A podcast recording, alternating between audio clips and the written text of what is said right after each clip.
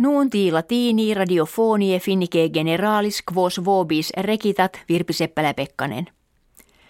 Die Dominico Ecclesia Catholica in civitate Vaticana duos papas in sanctorum numerum rettulit skiliket Johannem Paulum secundum qui anno bismillesimo quinto diem obit supremum et Johannem vigesimum tertium qui fuerat summus pontifex per quinquennium usquead annum millesimum nongen tesimum sexagesimum tertium. Eventus fuit exceptionalis, quia inter proximum seculum tantum unus papa canonitsatus est. Preterea singulare erat, quod in platea Petriana canonizationem concelebravit etiam Benedictus sextus decimus pontifex emeritus quem Papa Franciscus invitaverat. Com pluragenteena milia peregrinorum Romam et in civitatem Vaticanam ad cerimonias confluxerant. Aderant delegati plus quinquaginta nationum et plus viginti principes civitatum.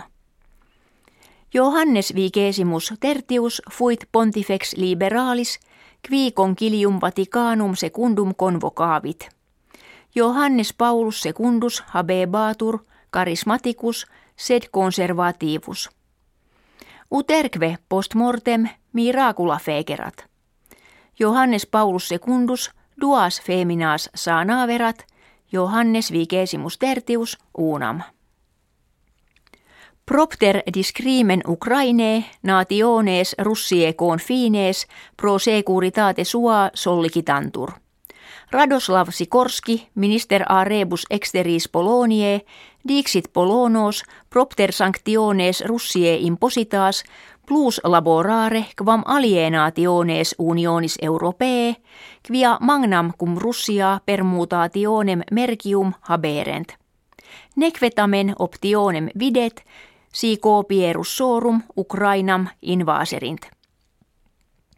Sikorski sperat fore ut NATO permanentem stationem militarem in Polonia kolloket. In Poloniam quidem milites Americani ad exercitia militaria venerunt, sed stationes natonis perpetue ibi non sunt. Etiam in terras Balticas skiliket in Lettoniam, Lituaniam, Estoniamque, greges militum Americanorum venerunt, ubi exercitia per totum annum pergerent. Confederatio Atlantica etiam numerum aeroplanorum insectatoriorum auxit, quae spatium aerium Baltie custodirent, et decrevit ut classem quattuor navium in mare Balticum mitteret. Americani nuntia verunt, copiis mittendis sibi propositum esse, ut presentiam suam in illa regione augerent, et animos sociorum sodalium quenatonis tranquillarent. Mese aprilii prefecti militum finnorum – de politica securitatis per cursum electronicum interrogati sunt. Responsa sine nomine data sunt. Pene di media pars sive quadraginta septemcentesime ex illis qui interrogati erant responderunt. Ex responsis patet prefectos magnam de propositis russie suspicionem habere.